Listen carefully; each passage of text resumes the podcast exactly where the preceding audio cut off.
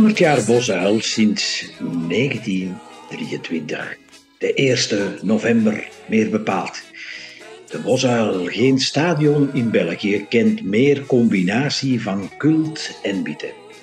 Op 1 november 2023 viert de Antwerp Voetbaltempel de 100ste verjaardag.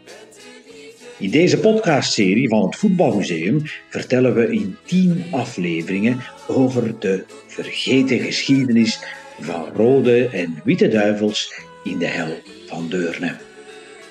Van Engeland 1923 tot Brazilië 1988. In deze 65 jaar werden liefst 40 officiële en 2 officieuze interlands gespeeld op de Bosuil, waaronder 35 derbies der lage landen, met andere woorden België, Nederland. En met tussendoor als klapstuk ook de halve finale van het Europees kampioenschap voor landenploegen in 1972 tegen West-Duitsland voor een record van meer dan 60.000 kijkers. Welkom bij het Voetbalmuseum, een podcastserie van schrijver Raf Willems. In onze reeks 100 jaar Bosuil op 1 november 2023 de vergeten geschiedenis van rode en witte duivels in de hel van Deurne, Engeland 1923 tot Brazilië 1988, behandelen we vandaag aflevering 2. Het gaat over de wedstrijd België-Uruguay, 2-1 eindstand op 31 mei 1925 voor alweer een uitverkocht stadion. Dat betekende meer dan 35.000 toeschouwers. België-Uruguay dus. Dit is de merkwaardigste interland van België geweest.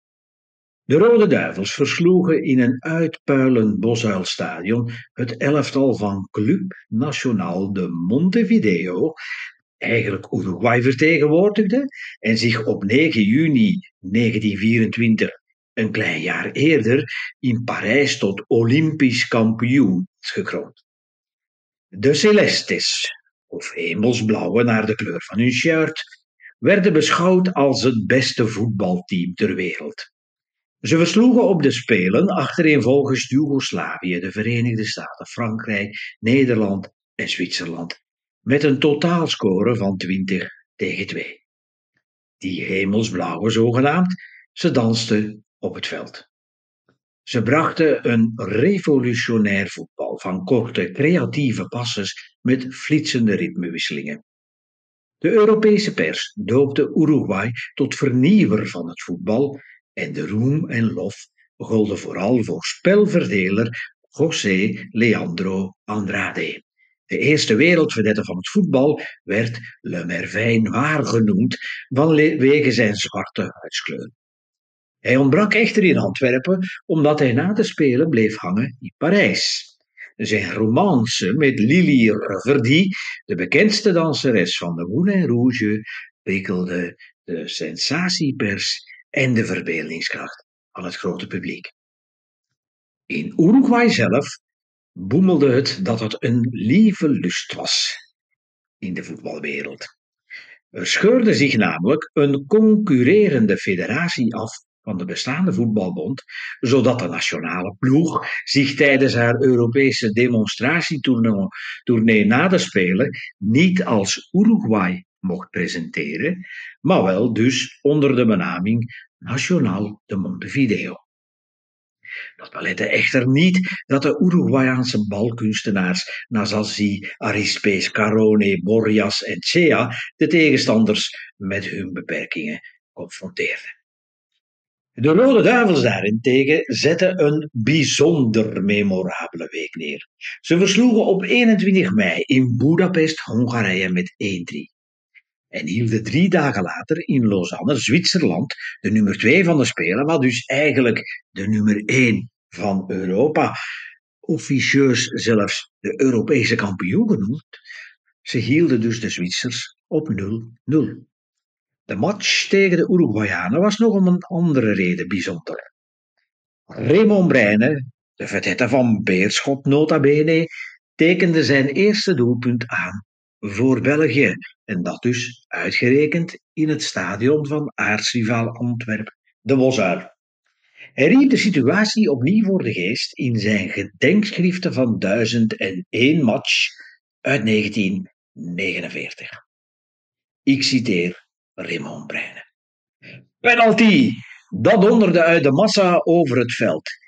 Geen speler bewoog. Een kort, droog gebaar van aanvoerder Zwartenbroeks duidde mij aan. Plots was er een eindeloze zee van stilte over het stadion. De kleine breinen ruisten door het volk. Ongeduldig vroeg de snijdende gesta van de Nederlandse scheidsrechter een derde maal: Gaat daar vandaag nog wat van komen of is het voor morgen? Ik zet aan, nee beide ogen dicht. Shot! Een fractie van een seconde die minuten schijnt te rekken. Goal! Weerkaatste het als een hemels gejubel door het stadion. Ik trok de ogen open. Ik had mijn eerste internationaal doelpunt aangetekend, maar hoe juist, dat heb ik nooit geweten. Sluit de aanhalingstekens. Raymond Breine dus, in 49. Over het gebeuren in 25.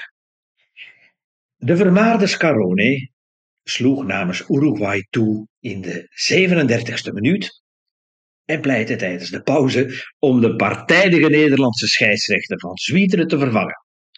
Het dreigement van de Belgische voorzitter Seeldraaiers om hen in dat geval niet uit te betalen, deed het protest meteen verstommen. De 18-jarige Raymond Breine bleef wedijveren met Uruguay en zette na 55 minuten twee tegenstanders in de wind. En hij vertelde daar alweer over in 1949 in zijn memoires. Ik zie Maurice Gillis van Standaard ongedekt in het midden opgesteld. Ik center gepast in de hoogte en pang, 2-1. Einde citaat. België kroop van dan af voor het eigen doel, maar Pierre Breine, de oudere broer van Raymond, neutraliseerde Scaroni. Het publiek eerde de Rode Duivels alsof ze zelf wereldkampioen waren geworden. En het verhaal gaat dat Scarone zichzelf niet meer kon bedwingen en in een handgemeen verwikkeld raakte met de scheidsrechter. Koning Albert I stuurde nadien een brief met felicitaties naar de voetbalbond. En Raymond Breine zelf meldde in zijn gedenkschriften hoe de pers schreef, opende aanhalingstekens, dat België de wereldkampioen had geklopt. Uitroepteken sluit de aanhalingstekens in een wedstrijd die officieel dus niet werd opgenomen in de statistieken. België-Uruguay, dat was er namelijk op 31 mei 1925 2-1.